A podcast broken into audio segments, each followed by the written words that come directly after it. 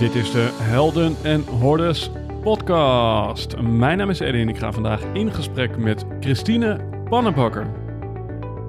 In de zomer van 2016 ontdekten we dat we een schakel waren in een netwerk van mensen die wij Conscious Business Founders zijn gaan noemen. Bijzonder gemotiveerde ondernemers die echt voor durven te staan. Ook als dat inhoudt dat ze daar alleen voor staan. Die 200% toewijding willen geven voor 1% groei en zeggen: Dit ben ik en dit is mijn bijdrage aan een meer gebalanceerde wereld. Helaas kon je niet bij al deze gesprekken aanwezig zijn. Daarom hebben we die bijzondere verhalen voor je samengebracht in deze podcast. We wensen je veel luisterplezier, maar belangrijker nog, we hopen dat jij de volgende stap gaat zetten in jouw avontuur.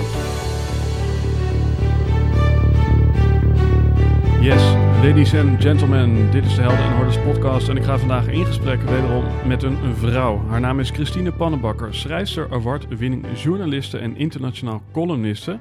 En ze zette zeven bestsellers op haar naam.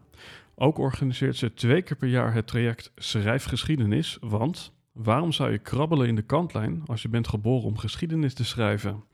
Ze reisde de wereld af op zoek naar de vlam van inspiratie. Ze sprak de goeroes en de goden.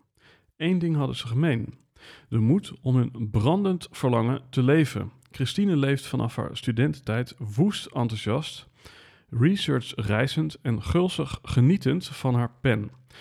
Rammel jij nog aan het hek? In deze podcast openen we jouw poort. Ik houd kort vandaag, ladies and gentlemen, Christine Pannenbakker. Alright, ladies and gentlemen. Beste luisteraar, dit is volgens mij aflevering 104, wie zal het zeggen. En ik zit hier aan tafel met Christine Pannenbakker. Uh, wij kennen elkaar uh, doordat we hebben samengewerkt. En ik zei het net al, er zijn bepaalde mensen hier op deze planeet waar ik mij een beetje ja, mee verbonden voel. In een stukje levensbeschouwing, in een stukje romantiek misschien zelfs, in een stukje spiritualiteit. En jij bent er één van. Dus ik keek uit naar dit gesprek en het is zover. En uh, dus uh, welkom aan boord als allereerste. Dankjewel. En misschien is het mooi om hier eventjes uh, te starten om... Nou ja, ik, ik heb wel eens een andere podcast iets opgevangen over jouw levensloop en loopbaan. Maar misschien dat je ons in een hele korte reis mee kan nemen ja, naar een paar piketpaaltjes die wellicht exemplarisch of toonaangevend waren voor de persoon die hier nu aan tafel zit.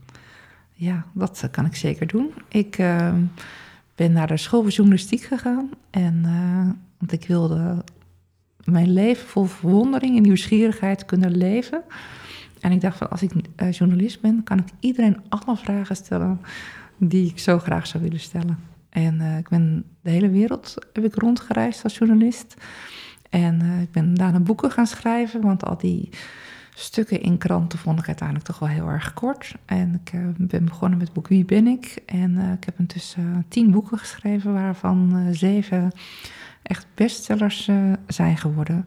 En daarnaast begeleid ik nog een aantal mensen per jaar in een, een traject schrijfgeschiedenis om, om hen te helpen om zelf ook geschiedenis te schrijven. Want daar wil ik heel erg voor staan. Ik denk dat we hier gekomen zijn om legendarische dingen te doen. En uh, ik wil heel graag dat zelf leven, maar ook de mensen die voelen van ja, dit is ook echt wat ik wil, die wil ik heel graag begeleiden.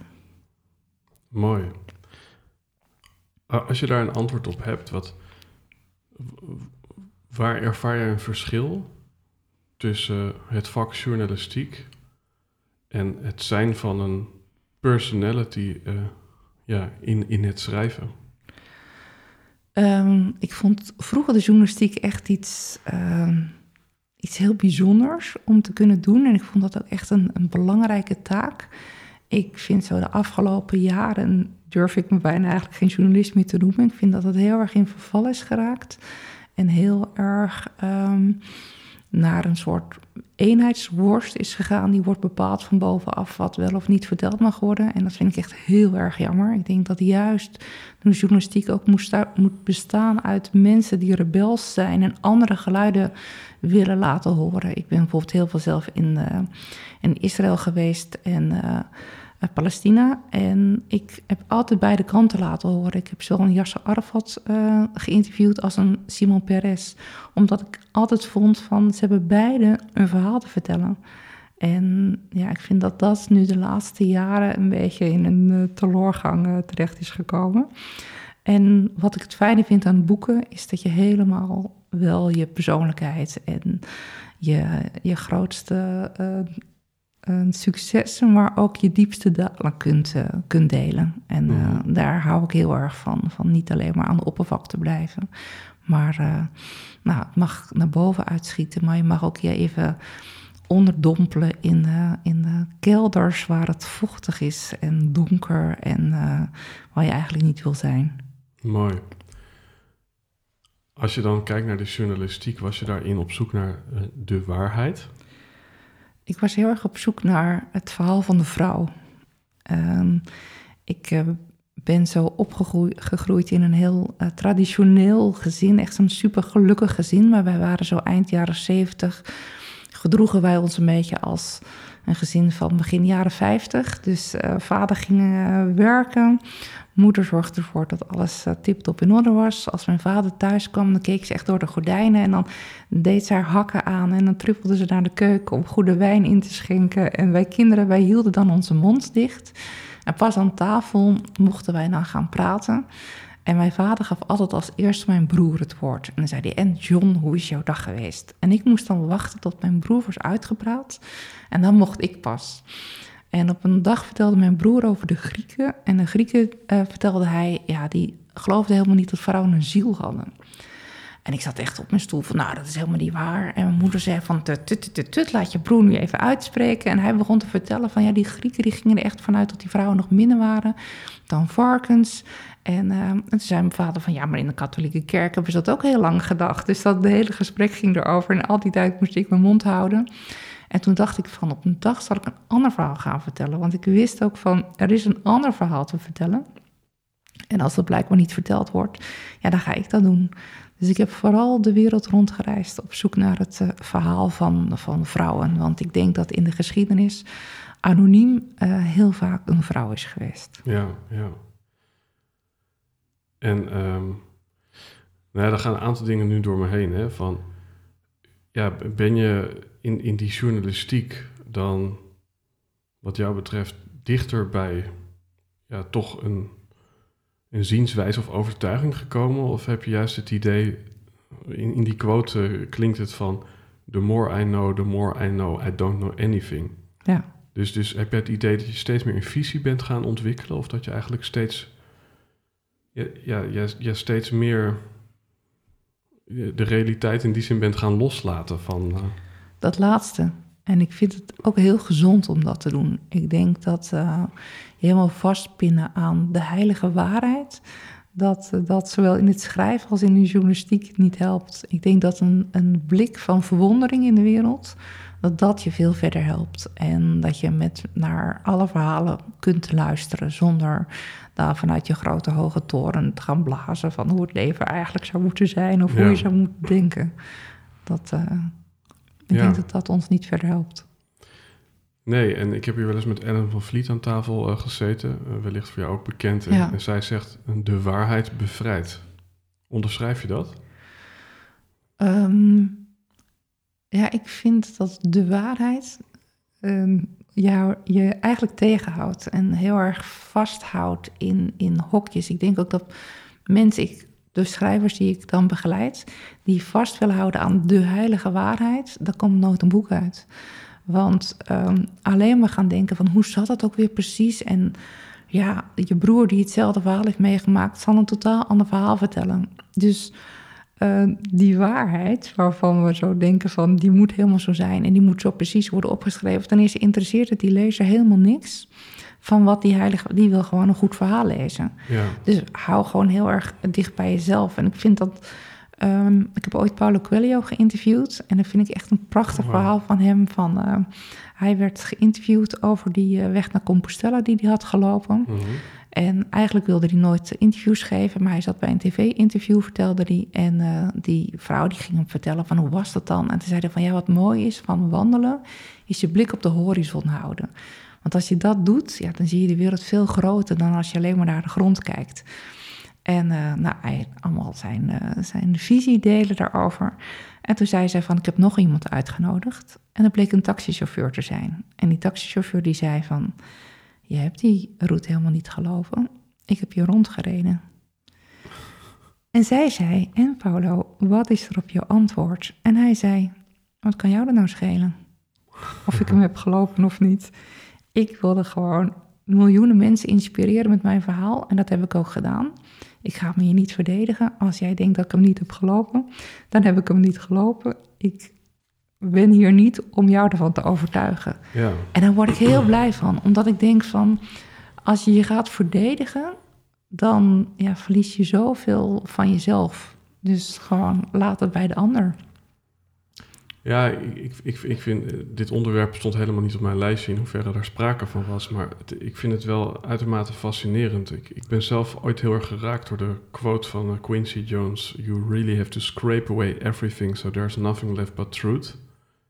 Nou ja, we hadden het net over, over Willem Elschot van uh, onder andere het boekje Kaas. Dat is iemand die ook alles weghaalde om tot, ja, tot de essentie te komen. Of dat de waarheid is, dat is een andere tak misschien. Maar nou ja, ik, ik heb dan recent iets gelezen van Aartjan van Erkel. Die zei eigenlijk van... Wij zijn heel erg... Ja, we hebben een soort inborst van correct willen zijn. Uh, en zeker als we iets op schrift zetten. Maar over het algemeen uh, worden entertainers beter betaald dan teachers. En uh, zijn de leukste leraren op school... Ja, misschien de, de, de mensen die het meest fantasierijk met de waarheid omgingen... en verhalen net iets mooier maakten dan ze waren. Ja. Hoe, uh, verhoud jij je tot het thema, uh, nou ja, creatief met de waarheid omgaan? Heb je, heb je daar soms het gevoel van uh, dat je jezelf dan niet in de spiegel kunt aankijken van, oeh, ik heb nu iets toch niet helemaal waarheidsgetrouw geformuleerd? Ik probeer het zelf heel erg te doen. Ik heb echt iets van, ehm, bijvoorbeeld ook uh, als je kijkt naar journalistiek, moet natuurlijk ook de feiten moeten kloppen. Dus ik ben wel altijd heel erg bezig geweest met van wat is de waarheid en wat zijn de feiten. En ik heb mijn laatste boek bijvoorbeeld over Jeanne d'Arc heel veel research gedaan naar haar leven en haar echte uitspraken. En in kelder of in, in bibliotheken geweest en haar uh, originele processtukken erbij gehaald. En juist omdat ik vind van heel dichtbij de waarheid blijven. En daarnaast denk ik van iedereen heeft een ander boek gelezen. En dat is ook gewoon een realiteit. Van, je kunt nog denken van ik ben heel dicht bij de waarheid gebleven over Jeanne d'Arc. Maar iedereen zal een ander boek lezen. En ik denk dat dat heel gezond is om je dat te realiseren. Dus ik ben wel iemand die ehm, voor mezelf heel dicht bij de waarheid wil blijven. Maar ik weet zeker dat er mensen in mijn omgeving zijn die een heel ander idee hebben bij die waarheid. En ehm, dat ben ik me steeds meer gaan realiseren. En ik denk dat je dat heel veel vrijheid geeft. Van vertel gewoon het verhaal van jij denkt, dit moet ik echt vertellen. Ik ben echt een fan van de lokroep van dit is het verhaal. En ja, dat er iemand in jouw familie is die het net anders ziet, ja, dat is dan bij die persoon. Maar ah, waarheidsgetrouw, en ik geloof niet in afrekeningen. Hè? Dus niet van, goh, ik heb het allemaal goed gedaan. En denk juist heel erg van jezelf ook kunnen zien als iemand waar een hoek af is. Dat vind ik ook heel erg goed. Heel lekker van, niet van ik heb het allemaal goed gezien, maar juist al die mensen waar, eh, waar een hoek af is, waarvan je denkt van ja, alleen jij kunt dit verhaal vertellen. Ja. Dat vind ik heel spannend. Ja, ik, ik merk dat uh, voor mij is, is, dit, is dit thema soms een worsteling. Ik probeer zeg maar in mijn privé ja, steeds ja, eh, minder opsmuk te communiceren. Dus, dus steeds meer een soort van af te dalen naar ja, de waarheid dan toch. En gelijktijdig uh, voel ik vaak dat. Kijk, uh, ik, ik, ik geef dat wel eens als voorbeeld aan, aan mijn klanten van. Als ik jou de waarheid vertel over vandaag, uh, of daar de essentie of een rode draad in probeer te stoppen, dan is misschien een essentie of een rode draad is nou ik heb vandaag een podcast gedaan en ik heb verder mijn huis uh, een klein beetje aan kant gemaakt na een uh, event wat hier plaatsvond. En ik heb een wandeling gemaakt. Maar dat, dat is dan misschien wel zo. Alleen datgene wat een toehoorder misschien zou raken, is als ik zou zeggen van... Ik had een gesprek met Christine uh, Pannenbakker over dat we misschien de waarheid met z'n allen moeten loslaten. En, en dat heeft natuurlijk veel meer elan uh, om, om daar één zo'n zinnetje als het ware op een voetstuk te zetten, dan dat je probeert het gemiddelde op te zoeken van die dag. Ja. En uh, ja, heb jij dan op het moment dat jij schrijft, heb je ook het gevoel dat je, weet je als het ware al wat je wilt highlighten, uh, wat je echt wilt weergeven, of is dat ook iets wat je achteraf een soort connecting the dots pas ziet? Um, van tevoren ben ik wel heel erg geneigd om um, de polster te volgen. Dus weten van hier ga ik naartoe. En ik denk dat dat boeken enorm helpt. Want anders uh, zijn mensen zes boeken door elkaar heen aan het schrijven. En dat, ja, dat ken ik dan ook. Dus heel erg weten van dit ga ik doen. Dat vind ik heel belangrijk om dat te weten. En weten van oké, dit is de waarheid die ik wil communiceren naar mijn lezers toe. Of met de essentie die ik op dit moment wil communiceren. En daarnaast laat ik me verrassen. Dus onderweg mag ik gewoon wel verdwalen. Als ik maar weet van daar ga ik naartoe. Mooi. En uh, ja, zo schrijf ik. En soms, ik heb bijvoorbeeld het boek geschreven De Week. En daarin deed mijn personage steeds dingen waarvan ik echt dacht van doe dit nu niet. En dan de dag daarna moest ik dat dan gaan oplossen. Dat vond ik ook wel een heel spannend uh, proces. Van, uh, en dat boek heb ik me eigenlijk wel laten um, verleiden door de verrassing. Die recensies die waren ook heel erg van dat er zoveel plot twists in waren. Dat het heel spannend bleef tot aan letterlijk aan de laatste pagina. Dus ik dacht van het doet wel echt iets anders als je het ook gewoon laat gebeuren. Wel weet van oké, dat ging over één week vrijnemen uit je leven. En wat houdt dat dan in? Wat gebeurt er dan? Uh, en de vraag eronder was van bestaat werkelijke vrijheid of niet? En ja, met dat gegeven ben ik toen eigenlijk gaan spelen. En uh, dat levert dan een ander boek op. En misschien is dat met een roman nog net iets anders dan met een non-fictie. Maar wel weten van, dit is wel waar ik naartoe ga. Dat, uh, ja. dat vind ik wel blij, belangrijk om te weten, ook voor mezelf in het leven. Van ik laat me verrassen onderweg, maar ik denk dan wel van oké, okay, dit gaan we wel uh, doen dit jaar. Bijvoorbeeld, ik ga dit jaar een boek schrijven. Of, mm -hmm. ja. In hoeverre is, ja, als je het dan hebt over zo'n personage, in hoeverre is dat een afspiegeling van Christine Pannenbakker? En in hoeverre is het iemand die je stiekem eigenlijk zou willen zijn? Um, ik denk dat je er nooit aan ontkomt dat, dat, dat het personage heel veel trekken heeft van jou. Of dingen in jezelf die je zou willen ontdekken of die je nog niet toestaat in jezelf. Dat is natuurlijk het fijne aan schrijven ook, van dat je dat gewoon lekker in zo'n personage uh, kunt stoppen. Um, soms zijn ze durven ze meer dan dat, je zelf, dat ik zelf durf. En uh, dat vind ik dan ook wel echt uh, ja. wel spannend om dat uh, te kunnen schrijven dan ook. En, en, is dat een opstapje naar eh, ja, in, in, het, in, de, in de werkelijke waarheid, dus in het dagelijks leven ook anders te gaan leven? Dus na zo'n boek dat je ineens anders bent in je, in ja, je houding? Ik, ja, ik denk dat als je een boek echt schrijft en echt beleeft, dan kan het niet anders dan dat het gevoel geeft van voor wie jij bent. Omdat je echt, voor mij is schrijven echt een deep dive en echt ja, gaan zoeken naar de essentie. Weet je, dus dat je blijft wel zoeken naar jouw waarheid daarin. En ja, dan denk ik van als je dat echt aangaat, dan, dan doet een boek iets met je. En, uh, en is, is een boek voor jou iets wat als het ware reciteert wat je misschien al jarenlang hebt verkondigd in de vorm van uh, social media uitingen? Of, of is, is het in het schrijven van het boek worden er ook allerlei nieuwe deuren geopend naar onderwerpen waar je zelf ook nog nooit over na hebt gedacht? Juist het laatste, ja. En uh, ja, wat ik bijvoorbeeld heel fijn vind om die research ook te kunnen doen, weet je. En daarvan denk ik dan wel, weet je, dat moet kloppen voor mij. Dus dan kan ik eindeloos over één alinea, wat iedereen overheen leest. Maar dan zit, kan er een week research in zitten, omdat ik dan vind van dat moet de waarheid zijn die ik op dat moment vind dat dat de waarheid is. En daar gaan natuurlijk nog steeds mensen andere dingen over denken. Maar um, die zoektocht daarin, ja, daar word ik ongelooflijk gelukkig van. Als je bijvoorbeeld kijkt, ik heb nu laatst geschreven over de kathedraal in Rijms. En um, daar blijkt dat daar vroeger een, um, een labyrint was in, uh, in uh, in die kathedraal. Ja, als ik daar dan achter kom dat daar een labyrint was en hoe dat dan is gegaan. En dat ik dan denk van ja, we leven op dit moment gewoon in een dolf met z'n allen. Terwijl vroeger was er een labyrint waar een soort ritme in zat en wat je vertelde over het leven. En dat op dit moment in een dolf aan het rondlopen zijn. Ja, dat vind ik dan gewoon, daar word ik dan heel gelukkig van, van één zo'n zinnetje dat ik Ja. dat dan kan ontdekken. Ja. Dat snap ik wel. Als, je, als, als we even één stap terug gaan naar de journalistiek. Hè? Dus ik, ik zie even dat beeld vormen dat jouw broer eerst aan tafel iets mocht zeggen en daarna jij.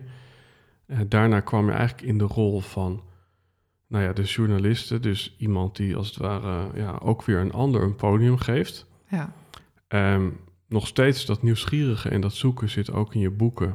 Omdat je in die zin ook nog steeds een journalist bent, maar dan meer een journalist, eh, ja, misschien van, eh, van je eigen eh, onderbewustzijn of een, of een journalist van gebeurtenissen die niet vandaag zijn gebeurd, maar in de afgelopen eeuwen op aarde zijn gebeurd.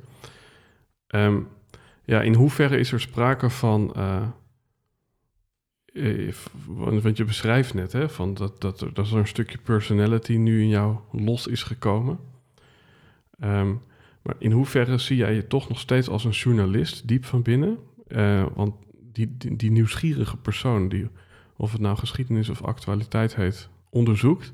En in hoeverre is er sprake van, eh, nee, ik maak mijn eigen geluid. En eh, wat je zelf namelijk zegt, ik schrijf geschiedenis in plaats van ik documenteer geschiedenis. Ik denk dat dat inderdaad is opgeschoven, ja. En de journalistiek is natuurlijk heel erg mensen een podium geven, hun verhaal laten vertellen. Wat ik heel erg interessant vind en waar ik heel veel van heb geleerd. En ehm, ja, ongelofelijke levens heb mogen zien, maar je blijft toch een beetje aan de buitenkant. En eh, als schrijver, ja, mag je gewoon het zelf worden en die eenwording, maar ook die verhalen die je ooit hebt gehoord van mensen, die kan je er wel in meenemen. Dus het is nu wel opgeschoven naar. eh, mijn liefde zit nu helemaal in het schrijven van boeken. En eh, ja, veel minder in, in de journalist, die er toch een beetje. Ja, en dat is natuurlijk ook een beetje de rol die je hebt als journalist, daar buiten blijft. En ehm, probeer toch een beetje objectiever eh, daarna te kijken dan helemaal mee te gaan in eh, degene die je hebt geïnterviewd. Dat is misschien een gekke vraag, maar ben je je reali- realiteitszin ook verloren door het schrijven van romans? Omdat je altijd vanuit ja, de bladzijde in je boek naar de wereld kijkt. Ja, en ik ben ook echt onmogelijk soms als ik eh, schrijf dat mijn omgeving echt iets heeft van oh, hallo, Christine hier is de wereld. Omdat het is echt een, in een andere wereld stappen en zo bezig zijn. En als je dan aan het eten bent, dat je ineens denkt, oh ja, ja, zo kan ik dat. Dus dat blijft gewoon in alles doorgaan en doorcijpelen. Dus als ik dan uiteindelijk op cent heb gedrukt van het boek is echt naar de uitgever toe, dan eh, haalt mijn omgeving opgelucht aan en van. En dan komt natuurlijk een hele andere fase, want dan moet jij letterlijk de wereld instappen in plaats van dat je alleen maar ehm, achter je laptopje hebt gezeten in, eh, met uitzicht op het water. Gewoon dus een heel ander gevoel weer. Ja. eh. Maar in feite zijn het als het ware twee avonturen achter elkaar. Want eerst duik je in dat, ja, in, in dat fantasieverhaal. En dan vervolgens dan is je eigen eh, leven ineens ja, een film of een, of, een, of een boek. Want dan moet je op podia verschijnen. Je komt eh, in de media. ja. Is dat dan ook lastig om, om, om uit het boek eh, in de publiciteit te stappen? Nou, het zijn wel echt twee aparte werelden. En ik ehm, dat het ook gezond is om niet, terwijl je bezig bent met het schrijven, al bezig te zijn van, oh, hoe gaan we er straks, hoe gaat de lezer daarop reageren? Ik ben, als ik aan het schrijven ben, veel meer bezig van, ja, wat, wat brengt het mij? En daarna pas van, eh, ja, wie is mijn lezer? En eh, als je eenmaal het boek hebt geschreven, ja, dan moet je natuurlijk heel erg gaan kijken van, oké, wie is die lezer? Wie is nu die ideale lezer die op dit moment dit boek zou willen lezen? En ehm, ik vind dat echt een heel andere manier om naar te, eh, om te kijken. En eh, ik vind het heel gezond ook wel om tijdens het lezen en schrijven niet alleen maar daarmee bezig te zijn van, oh, wie is die ideale lezer van mij? Maar hoe kan ik mijn eigen ideale boek schrijven? Mooi. Ik, ik heb wel eens gehoord, eh, en daar hebben we het ook wel eens over gehad, van als je nieuwsgierig, nieuwsgierigheid groter is dan je angst, dan, dan kom je eigenlijk altijd wel in beweging. En de dingen die je hebt gedaan, hè, en dan heb ik het niet alleen over je boek, maar ook over ja, toch beëindigen van je huwelijk uh, in een familie met geloof ik 30 uh, getrouwde stellen, om vervolgens ook nog met een vrouw een, relatie te beginnen, heb je eigenlijk allemaal toch wel, nou ja, in, in, in jouw eigen fascinatie een beetje Jeanne d'Arc-achtige ja, moves gemaakt. En we hebben ooit samen een zin gemaakt voor jouw homepage van waarom de meeste mensen liever een boodschappenlijstje schrijven dan geschiedenis schrijven. Ja. Wat, wat denk jij dat het is dat jij weliswaar in een, in een transitie van aan tafel je mond houden tot je broers uitgepraat naar eigenlijk volledig, uh, ja, toch wel als gedachtegoedleider of ja, als succesvol schrijfster, zeg maar, in het licht gaan staan? Wat, uh, hoe, hoe, ja, hoe, heeft dat proces uh, zijn weg gevonden? Uh, omdat er natuurlijk zoveel mensen zijn die een, een, een, klein, een kleiner spel spelen dan, dan waarom ze hier op aarde zijn. Um, de moves die ik heb gemaakt, um, ja, is, komt wel voort uit heel erg luisteren naar van wat het leven gewoon vraagt van me en daarnaar durven luisteren. Dus uh, ik bijvoorbeeld die uitspraak van Jeanne d'Arc is zo van... Uh, ik ben niet bang, ik ben geboren om dit te doen. Nou, ik ben zeker wel bang geweest in mijn leven... maar het gevoel van ik, ik moet dit doen, dat herken ik heel erg. En um, ja, dat bijvoorbeeld het boek De Week... is die vrouw die, die wordt verliefd op een andere vrouw. Dat was wel een fijn boek om dat even uit, uit te zoeken van... oké, wat houdt dat dan voor mezelf in? Dus in die zin heeft, dat, heeft een boek voor mij altijd wel heel erg raakvlakken met mijn eigen leven. Mhm. En uh, zo na die echtscheiding ben ik wel echt ook weer even onder een steen gekropen. Omdat ik dacht van ja, weet je, uh, nu gaat de hele... Ik krijg iedereen over me heen, dus ik zat er onder die steen. En toen, uh, ja, toen dacht ik, nee, ik moet een boek gaan schrijven over Jeanne d'Arc. In ieder geval die terugkomt en een boodschap heeft voor vrouwen van, van, of voor de mens van nu. En um, dan letterlijk daardoor onder die steen vandaan kruipen. Dus um, dat, die boeken die leiden, of uh, mijn leven die leidt eigenlijk welke boeken er geschreven moeten worden. Ik, ik weet dat een cursus in wonderen, en ik weet niet of je dat boek een beetje kent, um, dat eigenlijk de, uh, de vrouw die dat samen met een man op dat moment binnen haar organisatie heeft uh, ja, geschreven, zij zei, dit is een innerlijk dictaat van, van Jezus. Ja, waar, waarvan sommige mensen toen dachten van, yeah, right. Ja, totdat je het leest en denkt van, oké, een vrouw met een totaal andere kom af... die ongeveer 1200 bladzijden aan hoogwaardige zinnen... dan denk je wel van, what the fuck is going on, zeg maar. Maar het mooie is, zeg maar, in haar, in haar boodschap... zij heeft het eigenlijk constant over een innerlijk dictaat. Ja. En dat kan je dan Jezus noemen. Je kan het ook je hogere zelf noemen. Uh, zou je ook kunnen zeggen dat de boeken die jij schrijft, dat dat een soort innerlijk dictaat is uh, om jezelf ook een stukje te helen en uh, ja, een stukje persoonlijk te ontwikkelen? Ja, ik denk het wel. En zeker dat laatste boek, dan normaal gesproken, uh, ik heb, ben niet iemand die zo stemmen doorkrijgt van, van, van boven, maar ik zat dus in die kathedraal van Rijms en ik zat daar heel erg ongelukkig te wezen en te denken van, oh, oh hoe moet ik nu toch verder in mijn leven? En ik hoorde op dat moment letterlijk een stem, schrijf mijn boek. En ik keek om mij heen, want ik dacht van, oh jeetje, dat is weer iemand die dan wil dat ik een boek voor... Ja, dat doe ik niet. dus dat moeten mensen zelf doen. En dat ik zo keek, ik dacht van, dat is wel vreemd. Um, en toen, uh, toen nog een keertje schrijf mijn boek. En toen zag ik het beeld van Jeanne d'Arc. En toen dacht ik van, het is haar, ik moet haar een boek schrijven. En ja, dat was zo raar. Dus bijna dat boek is bijna ook een soort, letterlijk een innerlijk dictaat.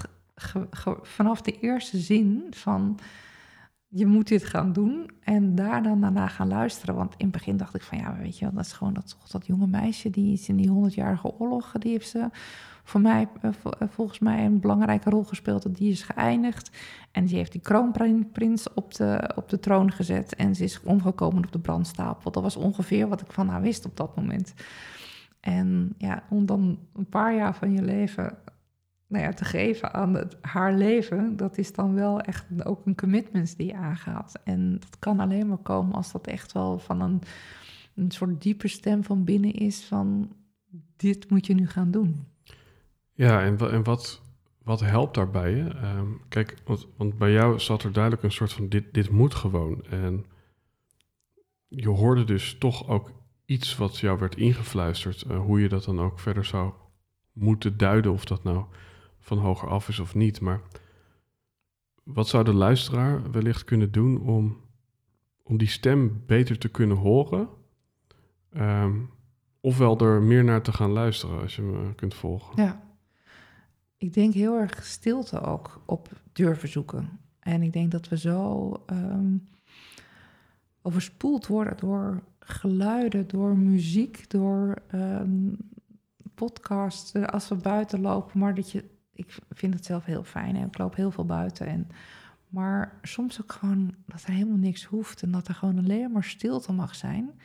Ik denk dat we daar heel erg behoefte aan hebben. En dat ik denk dat dat, van als je dat weer durft toe te staan, van niet de stilte op te vullen met van alles, maar ja, het is gewoon stil. En dan pas kan die stem in jezelf ook naar boven komen. Alleen, en daarom denk ik dat mensen ook, ook die niet religieus zijn, heel graag naar een kerk gaan omdat die ruimte heel erg uitnodigt om, om stil te zijn. Uh, en dan heel erg naar binnen te kunnen keren. En even je ogen dicht te doen. En um, ja, bijvoorbeeld deze periode is zo de vaste periode. En ik dacht op een gegeven moment van, oh, ik vind het eigenlijk wel fijn om daar aan mee te doen. Om gewoon de ruis van het leven even los te laten. En een soort detox te doen, ook in social media. En alle dingen waarvan ik altijd denk dat ik ze ook nog allemaal moet doen. Maar ja, tot paas gewoon even niet. En dat gaf ook heel veel rust. En, en er komen ook andere inzichten uh, tot je als je jezelf die toestemming geeft. Is dat comfortabel of is het oncomfortabel? Dat kan ook heel oncomfortabel zijn, ja. ik denk dat daarom heel veel wordt opgevuld eh, in het leven, omdat we maar denken van, oh, als het maar niet oncomfortabel wordt, want dat is natuurlijk onze hele maatschappij van, we beginnen dan met de zachte tegels die onder de schommels liggen, van, oh, je mag vooral niet hard vallen. Ja, dat zit mhm. heel erg in ons nu. Maar ik hou heel erg van oncomfortabel ook. Ja, ik vind het leuker natuurlijk als het leven me toelacht. Maar daarin gebeuren wel echt uh, de grote veranderingen. Ja. Heb je ook het gevoel dat je in die zin je eigen huis in, in brand steekt? Dat je af en toe het discomfort creëert? Ja. Hoe, hoe, hoe, hoe, hoe zie je dat terug? Um, door zo beslissingen te nemen die misschien niet gunstig zijn voor je carrière of voor uh, dat het heel nuttig is om iets te doen. Maar dat je dan denkt van ja, toch ga ik dit doen of toch is die lokroep in mezelf zo ja, hard aan het roepen dat ik niet meer dat kan negeren. Wordt die stem eigenlijk steeds luider ook? Ja. Ja? Ja. Hoe, hoe, hoe zou je dat verklaren? Um, door het toe te laten staan. En om gewoon dat hele gevoel van geschiedenis schrijven, dat, ja, dat doet echt iets met mij. En ik geloof ook echt van, we zijn zo'n korte periode hier nu op aarde, van ja, laten we het gewoon alles aan doen. En uh, wat maakt jou grenzeloos gelukkig op het moment dat je dat vandaag gaat doen? En dat al die andere dingen die moeten gebeuren, zoals die boodschapjes boodschappenlijstjes schrijven. Van ja, weet je, die zijn er morgen ook. En de brandjes blussen hadden we toen ook over in de, toen we samenwerkten. Van waarom ben je alleen maar bezig met de brandjes te blussen, terwijl je het innerlijk vuur in jezelf volledig dooft. Ja. En um, soms wil ik als mensen door elkaar schudden van ga het dan nu doen, weet je wel. Van, er zijn nu zoveel kansen die, die er zijn en we hoeven ze alleen nog maar te pakken. En ja, het enige wat je soms dan hebt is dat het even niet zo comfortabel voelt. Maar wat je daarna krijgt is zo ongelooflijk interessant. Uh, en sowieso die hele reis daarin vind ik heel spannend om die uh, uh, aan te gaan. En bijvoorbeeld inderdaad van dat mensen in het verleden zoveel dingen niet konden doen, die wij nu wel kunnen. En dan denk ik van ja, het is ook gewoon, luister gewoon daarnaar. Weet je, van dit is het moment om dat te gaan doen. En niet over 20 jaar of 30 jaar of als al die andere dingen opgelost zijn. Maar het is echt letterlijk nu, dit moment. Uh, ik las bijvoorbeeld laatst over die, uh, die um, Alma Mahler, de, de vrouw van uh, Gustav Mahler.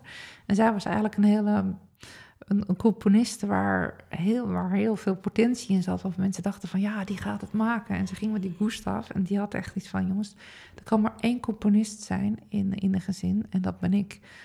Dus vanaf dat moment moest zij in volledige stilte leven. Ze mocht niet meer piano spelen. Ze moest eigenlijk door het raam kijken de hele tijd van wanneer heeft hij weer iets nodig. Als hij dan ging zwemmen, mocht zij met de handdoeken voor hem klaarstaan. En smiddags gingen ze dan wandelen en dan was hij dan in zijn hoofd aan het componeren en zij mocht dan op een steen naar hem glimlachen. En dan denk ik van ja, we hoeven nu niet meer die allemaal maler te zijn. Hè? We kunnen het nu zelf doen. We moeten het alleen gaan doen. Ja. Ja, en zit er ook een keerzijde aan? Hè? Dus eh, alles uit het leven willen halen, noem ik het maar even. Ehm, is dat niet ook een beetje veel? Ja, maar ik vind ook niet dat je alles uit het leven moet halen. Ik denk juist van als je stil bent, dat je dan denkt van wat roept er nu werkelijk? En als je niet stil bent, dan roept alles en dan kan je alles gaan doen. Mooi, ik vind zeker niet dat je alles moet gaan doen, maar wat je echt moet gaan doen, als je het dan hebt over die essentie, waar jij echt subliem in bent natuurlijk met je zinnen, van naar die essentie gaan, ja, die kan alleen dan pas komen. En ik denk ook van dat het geluk ook ligt in niet alles doen, niet naar alles luisteren, maar naar het ene wat, waarvoor je bent bedoeld. Ja. Als je het dan hebt over een boek, hè, wat natuurlijk vaak een aantal honderden bladzijden is, ehm, heb je het idee dat, of, of bestaat er jou, voor jou ook een kunstvorm waarin je met, met misschien veel minder woorden of met veel minder expressie, uh, ja, toch, toch een behoorlijk uh, duidelijk geluid kunt laten horen? Of, of, is, of is een boek echt een soort van jouw, uh, ja, jouw instrument om, om, om mee naar buiten te treden? Of zou dat ook in een andere vorm kunnen? Ja, voor mij niet. Ik ben echt een, een, een verhaal vertellen. Ik ben verslaafd ook aan, aan, woorden, aan boeken, aan eerste zinnen van een boek. Daar kan ik helemaal in opgaan. Ik echt ongelooflijk gelukkig van. Van zo'n eerste zin van een boek die je wel of niet in een boek intrekt. Ja. En dat vind ik altijd heel spannend. Heb je daar een voorbeeld van? Misschien eentje uit je eigen winkeltje? Um, Fleur Piret, um, die, dat is, die vrouw, eh, zij zou met haar vrouw gaan trouwen in elk land in de wereld waar het homohuwelijk is toegestaan. En uh, waren op dat moment 26 landen. Na het derde huwelijk, toen is Julian werd ziek en die is toen zes weken later overleden. En haar eerste zin is, mijn favoriete liefdesverhaal is, is het onze. En gewoon die zin van ja, alles komt daar voor mij in samen. Die hele grote liefde die die twee met elkaar hebben beleefd. Gewoon één zo'n zinnetje daar. Ja, dat vind ik echt heel mooi. En zij is trouwens ook degene die dan schrijft van... Ze hebben elkaar dan ontmoet ehm, bij een lezing van een zwangere uh, pornoactrice hier in, hier in Amsterdam. En zij komen allebei of, uh, uit België. En ze lag op de bank, ze was een beetje ziek. En ze had zoiets van, ik moet toch naar die lezing toe. En daar ontmoeten ze elkaar. En die Julian heeft nog zoiets van: laat maar niet aan mensen vertellen dat we elkaar hebben ontmoet bij een lezing over een, van een zwangere pornoactrice.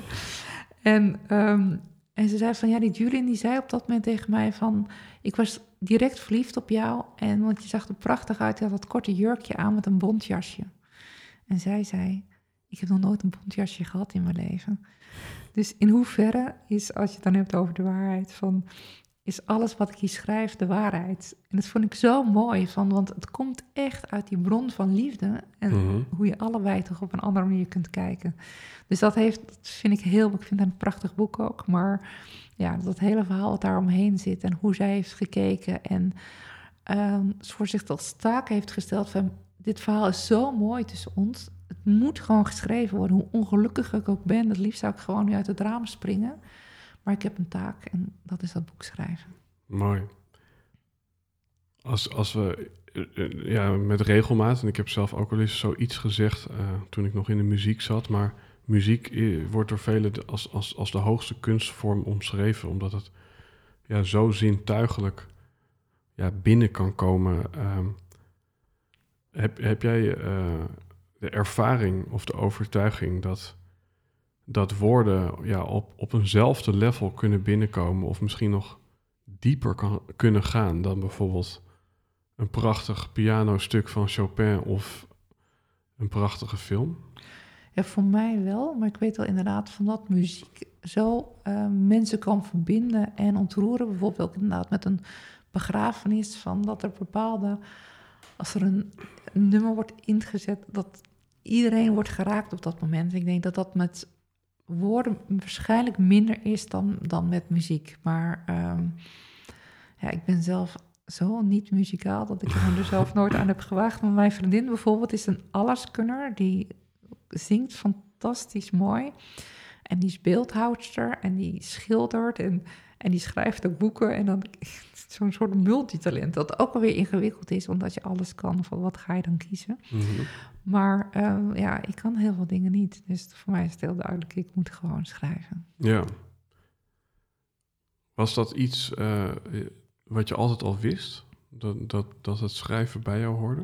Ja, ik wist van als je, weet je, je moet dan als je zes jaar bent zo'n opstel schrijven of van of, of niet vaak vertellen van wat wil je later worden. Mhm.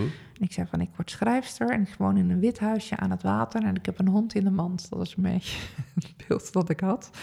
Het was niet een wit huisje, maar de rest klopte wel heel erg. Ik heb dat altijd geweten en dat is op zich ook wel heel fijn om te weten van ja, dit ga ik doen. En dan kan het nog alle kanten op gaan natuurlijk.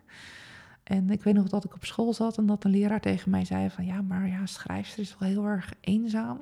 Kan je niet beter journalist worden? En toen dacht ik van oh ja, journalist is eigenlijk ook wel. Kan ik, dus toen is eigenlijk een beetje de nearby enemy was het voor misschien voor een deel van het hangt er tegenaan, maar het kan je ook weghouden van wat je werkelijk wil doen in het leven.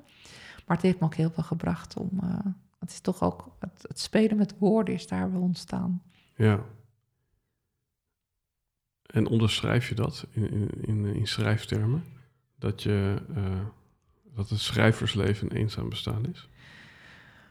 Ja, ik vind het zelf heel fijn. Ik hou heel erg van de stilte en van de eenzaamheid die het met zich meebrengt. En ik word heel gelukkig van met een kopje koffie gewoon soms alleen maar even na te denken of in mijn eigen gedachten te kunnen verdwalen. Dus ik hou daar heel erg van. Um, ik merk ook wel van, ik geef dus inderdaad zo twee keer per jaar zo'n groep met, uh, met schrijvers. Dan heb ik zo'n tien schrijvers bij elkaar. En dat gevoel van samen, daarin zie ik wel van, oh, dat brengt wel heel veel. Bijvoorbeeld, ik had laatst een boekpresentatie en die zit al die mensen van die cursussen zijn, uh, zijn daar. Die hebben dat allemaal meegemaakt. Die zijn door diezelfde shit heel hol heen gegaan. Want het is natuurlijk niet alleen maar gezellig als je aan het schrijven bent. En dacht ik wel van, oh, die eensgezindheid of dat samengevoel, dat vond ik wel heel erg mooi daaraan. En dat heb ik natuurlijk ook al met uitgeverijen gehad. Weet je, dan heb je uh, één keer per jaar uh, het boekenbal en dan voor eventjes een etentje bij de... Dat was het mhm. ook een beetje, zat het daarin, maar het schrijven aan zich heb ik altijd alleen gedaan. Ja. Eventjes een, eh, een, een net iets ander thema, hè? want we hebben het nu net gehad over... Nou ja, dat jij eigenlijk wel degelijk wist wat je wilde en daar ook handen en voeten aan hebt gegeven. En in het voorgesprek hadden we het over het woordje net niet. En misschien zou je dat ja, even kunnen toelichten voor de luisteraar wat, uh, ja, wat je daarmee bedoelt. Het net niet geschreven boek. Het net niet, uh, de net niet geschreven post die je eigenlijk had moeten schrijven op dat ene moment, omdat je vindt dat jouw visie zo ontzettend belangrijk is net niet gaan voor die relatie waarvan je wist van, ach, eigenlijk is zij het of eigenlijk is zij het. Mm Dat het net niet leven. Dat is ook de nearby enemy van de schrijver die in boekhandel begint. Uh, de schrijver die eerst journalistiek gaat doen, gewoon het net niet doen. Uh, ja, dat vind ik wel spannend gegeven, maar wel heel jammer voor je leven. Ja, dus de, inderdaad wat wij ook zeiden van de je grote eh, boodschap uh, de wereld uh, inslingeren en in plaats daarvan een klein tasje met boodschappen gaan doen. Ja. en ja, doet dat, doet dat jou zeer? Uh, dat, dat heel veel mensen in die zin, ja, als, als, als bankspeler wellicht eindigen ja, in, in een wedstrijd op wereldniveau? Ja, ik vind dat ik vind het vaak heel verdrietig. En ik heb wel zo'n grote gunfactor. Ik, heb, ik gun het je zo om, om iets anders te gaan doen of om een ander leven te gaan leven. Of dat boek te schrijven dat echt geschreven moet worden. Of alleen zoals vandaag al eventjes, het is mooi weer, van neem een opschrijfboekje en ga heel even onder een boom zitten. En schrijf die eerste zin. Gewoon alleen al dat, weet je, dat, daarvan denk ik al van, oh, als mensen dat zouden doen, van, oh, dan gaat er echt een wereld voor je open. En ik denk dat er zoveel mooie intenties zijn in de wereld, maar ja, je hebt er veel minder aan dan het daadwerkelijk gaan doen. En ik weet ook van hoeveel geluk het geeft als je jezelf wel toestaat om, om dat te gaan doen. Ehm, dus net niet is, uh, ja, ik vind dat echt heel erg zonde. Ja, Brian Tracy die zei ooit, uh, the road to hell is paved with good intentions. Ja. Ja, wel een mooie zin. Ja. Hij zei, hij had het trouwens ook over Someday Isle. Dat is dus een, een eiland uh, waar heel veel mensen wonen en die zeggen allemaal someday I'll becoming a writer. dus ja, geniale ook weer uh, dubbelzinnigheid. mooi, mooi. Ja. En hoe komen mensen van someday I'll af? Ja, ik denk dan wat ik zei van als je wilt schrijven van je hebt niet heel veel meer nodig dan al is het maar een opschrijfboekje Mhm. en vandaag je eerste zin schrijven. En die wordt waarschijnlijk wordt het straks weer een andere zin. Maar als het daarmee begint, dat je dan open je letterlijk een deur. En ehm, dat het letterlijk begint bij die pen op dat papier zetten of die vingers over die toetsen laten gaan. Ehm, en ik denk ook, ah, bijvoorbeeld als je wilt schrijven, van ga ook lezen, weet je wel, word daardoor geïnspireerd van. ehm, ja, als ik dan denk van dat er sch- schrijvers zijn die niet lezen, dat snap ik ook niet. Ik heb iets een kok die niet van eten houdt, ja, die moet ook vooral geen, kok worden. En dan denk ik ook van mensen die boeken schrijven, willen schrijven en nu nooit iets willen lezen, denk ik ook van ja, dat vind ik niet helemaal kloppend, maar ga dan voor mij part vandaag al een heerlijk boek lezen en word geïnspireerd door de zinnen die daarin staan. Of denken van nee, maar ik kan dat beter. Of ik heb een ander verhaal te vertellen. Maar gewoon Is is, is het wat jou betreft makkelijker of moeilijker eh, geworden om ja, inderdaad je eigen boek te gaan schrijven? Het is in die zin makkelijker als je dan bijvoorbeeld kijkt naar een, een Jane Austen die heel graag wilde schrijven en alles gewoon stiekem moest doen. Die, had, eh, die was dan aan het schrijven, die schreef op vloeipapier, zodat ze dat heel snel overal weg kon stoppen. En dan was een deur die klemde en zoals die, dat mag niet worden verholpen, want dan hoor ik dat er iemand aankomt en dan kan ik die papiertjes weg. Ja, weet je, dat leven, dat is ondenkbaar nu. We, hebben allemaal Mhm. die kans om dat wel te gaan doen. Ja, het is dan een kwestie van het gewoon te gaan doen. Dus ik denk dat het echt makkelijker is als je die ruis durft uit te zetten. Mhm. En je niet alleen maar wilt laten afleiden door al die dingen die je niet toe doen. Is voor jou het schrijven ook nog relevant op het moment dat er geen toehoorders meer zijn? Ja, ik zou sowieso schrijven, ja. Ja? Ja. Want wat, wat geeft het schrijven zelf dan? Naast van de boodschap aan een andere uitdragen? Gewoon de, de innerlijke reis die je kunt maken. En zelf op onderzoek uitgaan en woorden geven aan de verwondering eh, van je eigen ontdekkingen. Ik denk dat, ja, dat vind ik, dat zou ik niet kunnen missen. En dat geeft ook echt voor mij echt een verdieping in het leven. Zo, zo de, de deep dive. Ik zie daar zo bij jou eh, golven hier op de. En dat, dat je dat hebt, maar dat je dan daardoor ook gewoon onder het oppervlakte kunt verdwijnen. Ik geloof dat Da Vinci was die zei: eh, Good artist copy, great artist steal. In, in hoeverre ja, ben je het daarmee eens? Ik denk wel dat het, als je het dan hebt bijvoorbeeld over lezen, dat het heel interessant is om heel veel schrijvers te lezen. En niet zozeer om die stijl te kopiëren, maar wel te weten van wat past nu bij mij.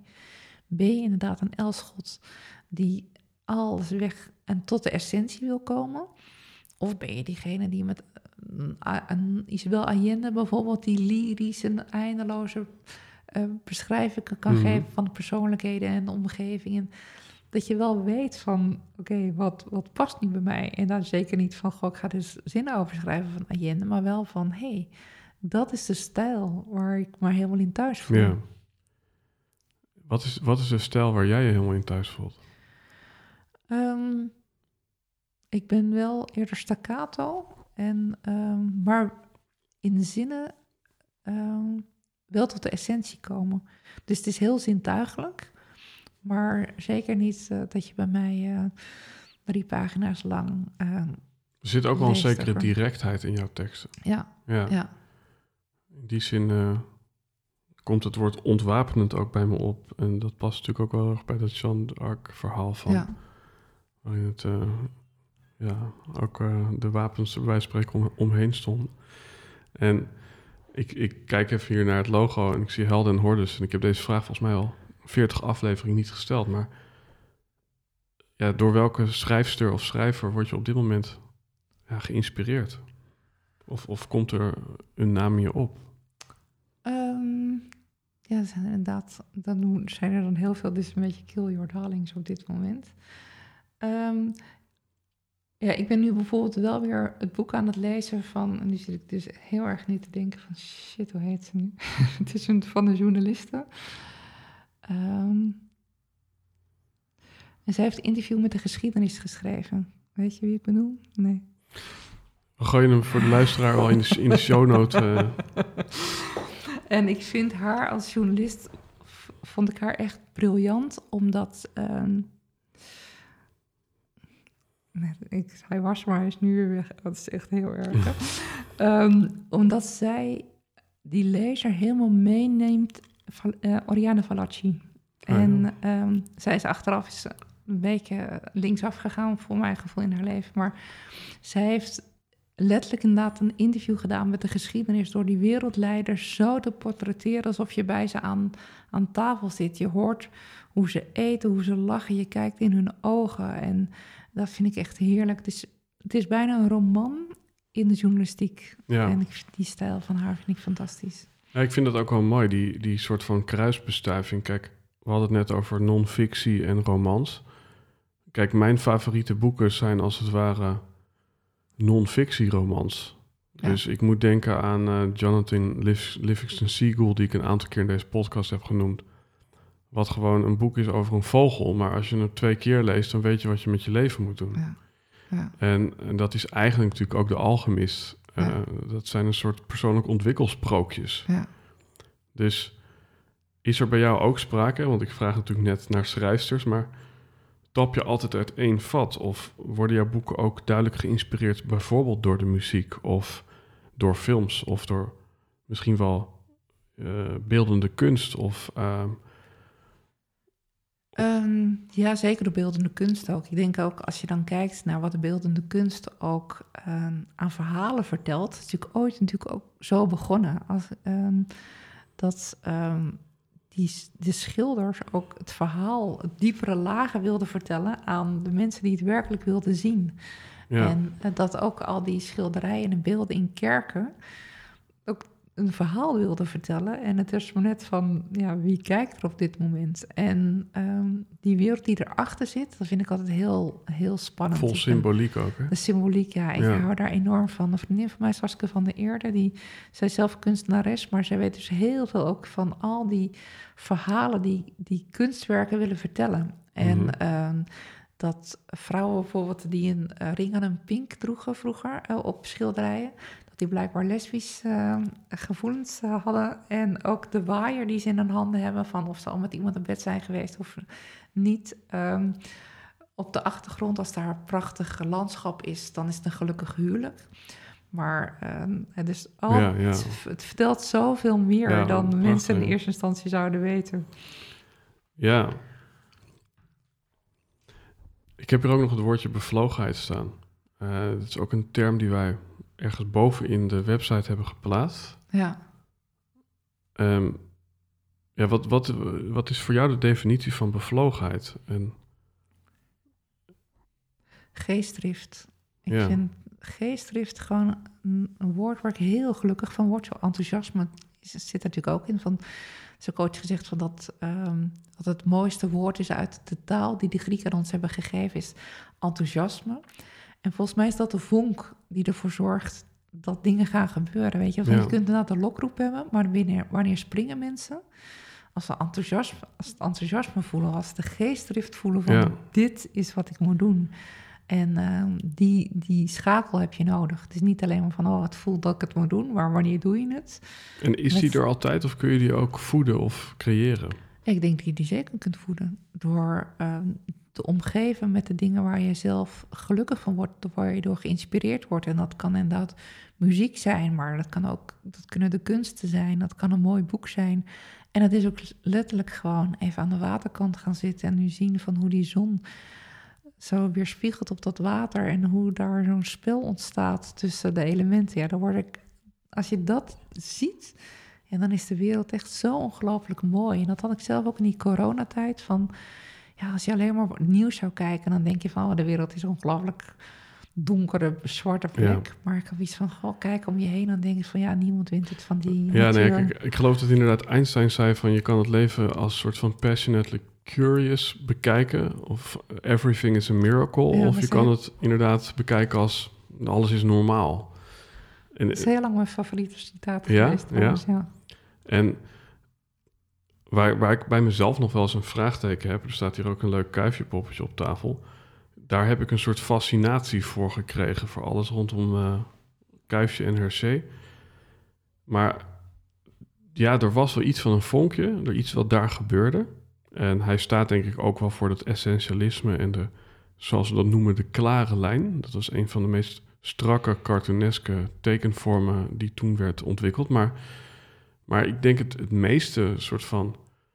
Ja, wat, wat mij fascineert aan Kuifje... Dat, dat is ontstaan doordat ik gewoon veel uren heb doorgebracht met zijn boeken. En eh, naar kenners ben gegaan met een weekender. En oude boekjes meenam. En dan met oude vandaag in gesprek ging. Ja, dat was een beetje mijn...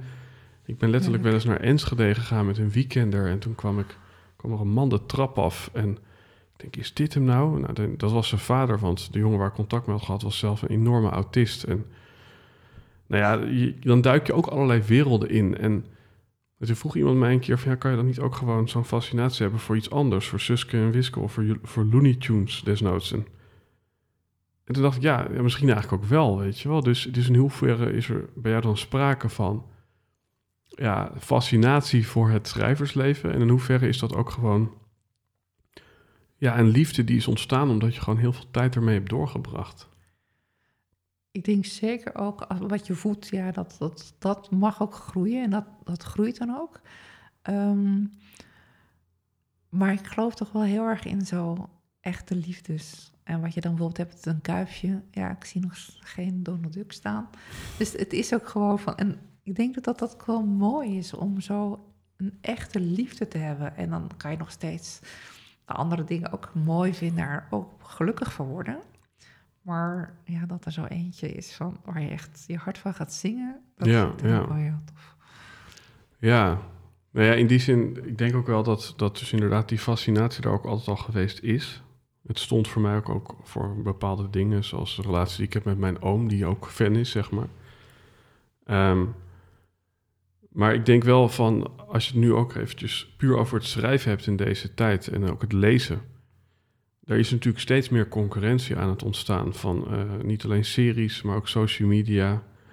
En ook allerlei eh, vormen van eh, vermaak. Vroeger kon je bij spreken alleen skiën, nu kan je ook snowboarden. Dus, dus, dus heb jij het idee dat schrijven en lezen een steeds kleinere rol gaan uitoefenen in de totaliteit? Of ben je daar volstrekt mee oneens? Eh, ik zou er het liefst heel erg mee oneens zijn, maar ik denk wel dat je daar gelijk in hebt. En ik moet eerlijk zeggen dat ik mezelf er ook op betrap. Ik reis heel veel met de trein en ik las altijd boeken. En dat ik nu bijvoorbeeld ineens in Amsterdam ben en dat ik denk van vanaf Apkoude, shit, ik heb alleen maar op mijn telefoon gekeken. Ja, dat vind ik heel irritant, maar het is wel ook een realiteit, denk ik, waar, ehm, ja, waar we mee te maken hebben. En ik denk ook daardoor dat mensen heel erg geneigd zijn om heel erg aangesloten te zijn alleen nog op korte teksten. En ik hoop heel erg dat er heel veel mensen gewoon geïnspireerd blijven door boeken en mensen volgen die boeken lezen en boeken schrijven. En ook zien van dat daar een hele wereld voor hen open kan gaan. Denk je ook dat, dat de manier waarop boeken uh, geschreven worden uh, ja, veranderd is door de vluchtigheid en de overprikkeldheid waarin we zitten? Ja, en ik denk ook wel dat er nu zo'n overkill, overkill is aan boeken, waardoor je. Um, ik gun natuurlijk iedereen zijn eigen boek, maar ik denk ook van dat het wel goed is om uh, nog eens te kijken van wat zijn nu de echte boeken die ik echt wil lezen. En als je dan, volgens mij komen er op dit moment 200 boeken per dag uit. Ja, ga nog maar een keertje kijken van wat, wat wil ik nu werkelijk lezen. En in de boekhandel, ja, weet je, uiteindelijk komen daar nu alleen nog maar de, um, weet ik veel, bekende thrillerschrijvers bijvoorbeeld. Uh, en dan denk je wel van, er zijn zo ongelooflijk veel prachtige boeken die geschreven worden. Of, de oude klassieke, ja, die gun ik ook gewoon nog steeds allemaal een podium. Dus um, ik denk wel dat er in alles nu een overkill is. En ik lijkt me wel heel gezond dat we daar gewoon weer een soort status quo in gaan, uh, gaan vinden. Ja. Ja, ik, ik, ik weet ook, dus als je het over boeken hebt, de paradox of choice beschrijft eigenlijk dat als je één shampootje in de supermarkt hebt staan, dan zijn mensen heel blij als ze dat potje hebben gekocht. Maar als je dan ook nog twee andere kleurtjes ernaast zet, dan hebben ze naast uh, vreugde van, van de aankoop, hebben ze ook een soort weemoed. Want ja, die andere twee, we zullen nooit weten hoe die nou smaken. Ja, ja. Dus, dus ik denk ook dat het steeds lastiger wordt. En daar ben ik dan nog wel even benieuwd naar van... Ja, hoe, hoe, hoe struin jij dan door de boekenwinkels of uh, over het internet? Uh, als, er eigenlijk steeds meer, meer opties zijn van die nog even lezen, die nog even lezen. Ik weet dat het heel duidelijk van, bijvoorbeeld als ik ga schrijven, van dit ga ik schrijven en uh, alles wat daaraan relateert, wil ik op dat moment lezen. En zo ben ik ook altijd op reis gegaan. Ik ben volgens mij nou, misschien één of twee keer in mijn leven, maar ga eigenlijk nooit op reis, gewoon om op reis te gaan, maar ik ga altijd iets onderzoeken. En dan weet ik vanzelf van ja, wat ik op dat moment bij me past en wat niet. En um, dus juist heel erg een soort die geestdrift of weten van... Dat is weer die polster ja, ja, dit wil ik onderzoeken nu. Ja, en dan passen andere dingen daar op dit moment niet bij... die misschien fantastisch zijn om op een dag nog wel een keertje te doen... maar nu niet. En uh, ja, dat is inderdaad het gevoel in de polster van ja, dit nu. En ja, de rest, uh, alle andere prachtige sterren, die moeten heel even wachten. Zijn jouw oudere werken uh, heel anders dan je nieuwe werken? Dat je er bijna niet meer mee wil identificeren? Nou, het is nog wel... Ik heb ooit eens inderdaad Wie ben ik geschreven. En toen was ik nog, weet ik, 24 of zo.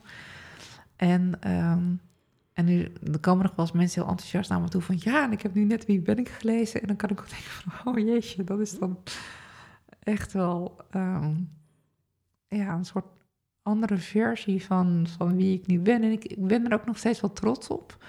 Maar um, ik sta niet altijd helemaal te juichen als, als ze dat misschien, misschien moet je een deel 2 gaan uh, schrijven met de titel wie, wie, ik dacht die ik was. Alle wijsheden die ik als 24 jaar over de wereld verspreid is, toch gaat dat wel weer spannend. is, is, er, is er voor de luisteraar een soort van met stip op nummer 1 tip uh, van de boeken die je misschien recent hebt gelezen? Het mag ook een boek voor jezelf zijn, waardoor je ook die lokroep zelf krijgt om in ieder geval dat ene zinnetje onder die boom te gaan schrijven? Um, nou, ik heb bijvoorbeeld het boek De Alpha Vrouw begeleid. En ja, dat is wel zo'n boek waarvan ik denk van zij was, ze was naar mij toegekomen met een heel strak verhaal over um, rugklachten zijn ontzettend belangrijk. Rugklachten hebben zoveel met. Nou, het is heel. Echt, ik zei van ja, dat is heel. Maar ik word niet heel erg opgewonden als ik dit lees. Van is het nu echt wat je echt moet vertellen? Nee, ik moet nou, eigenlijk een heel ander verhaal vertellen. Maar ja, dan. En toen stuurde ze mij wat ze werkelijk wilde vertellen. En ze had een begeleidend berichtje daarbij geschreven. En daarin stond van. Ik vind het zo eng om dit. Ik ben bang dat ik het niet goed heb gedaan. En toen dacht ik wel van dat is wat er heel vaak gebeurt. Van als je echt gaat schrijven wat je werkelijk wilt schrijven, dat je dan bang bent om afgerekend te worden. Nou, dat is in ieder geval een prachtig boek geworden uh, van uh, Françoise Verhoef. En voor onze dochters vind ik ook een heel mooi boek van uh, Monica Bankert. En dat is heel erg het verhaal van onze evolutie. Zij is de hele evolutietheorie gaan, gaan onderzoeken. En haar belangrijkste vraag is: waarom kan kunnen niet alle vrouwen naakt zwemmen? Van, en weet je, dat idee van waarom is er onveiligheid in deze wereld, waarom dat niet mogelijk is. En dat is helemaal vanaf de hele evolutie uh, gaan onderzoeken. En daar ja, echt, zij is een, zo'n top-accountant die zo'n briljant onderzoek erin heeft gedaan. Dus ja, dat vind ik ook echt een, uh, een absolute aanrader om, uh, om te lezen. Ja, ik vind het ook mooi dat het is, het is een vraag, maar eigenlijk die vraag die is al zo standalone dat je bij wijze van spreken nou, dat, dat, dat boek er nog achteraan lezen, dat is bijna een toegift. Want zo'n zin, ja, die, die kan al je hele universum bewegen. Ja. ja. Dus daar, daar zitten zoveel kanten aan. Ja. En wat is het boek voor jou? Waarvan je zegt van, oh, lees die nu. Nou, ja. Um, eentje die ik taaltechnisch heel mooi vind, en ik heb het misschien met jou wel eens over gehad, dat is uh, Three Simple Steps. En dat is echt zo'n beetje zo'n persoonlijk ontwikkelboek. Maar die inhoudsopgave, dat is echt vloeibaar goud. Dat is uh, deel 1, part 1. En dat is uh, Falling into the Quicksand. En dan part 2, Escaping the Quicksand. En ja, dat, dat is echt pure romantiek. En er staat dan ook... Daaronder staan dan ook hoofdstukken. En dan is deel, deel 1.1, dat is... Um, uh, A Matter of Life and Death. Nou, al een prachtige titel. En dan vervolgens is die, de tweede titel is uh, My Life of Mentality. en, en de derde is uh, Master, Master of Mentality. En er zit een soort van... Ja, ik weet niet, dat kan me gewoon ontroeren. En um, voor mij zit het dus ook... Ja, dat is niet voor niets mijn vak. Heel, heel snel in short copy, in titels. Ik vond het ook heel prachtig vind, is Feeling Sad in a Good Way. Ja, ja weet je, dat is een prachtige titel, ja.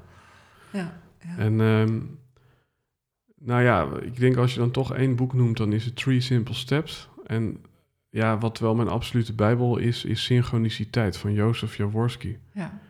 Ik weet niet of je dat kent. Ja. ja. Dat, is, dat is ook een soort van avontuur vol met levenslessen. En het is bijna te bizar om echt gebeurd te zijn, totdat je de referenties achterin leest en dat iedereen met naam en toenaam aan het woord komt die bevestigt dat het echt gebeurd is. En dan denk je van, ja, hoe kan dat nou? En, ja. Ja, nee, ik vind... Uh, ik, ik word ook weer aangezet door deze, uh, door deze dialoog om meer te gaan lezen.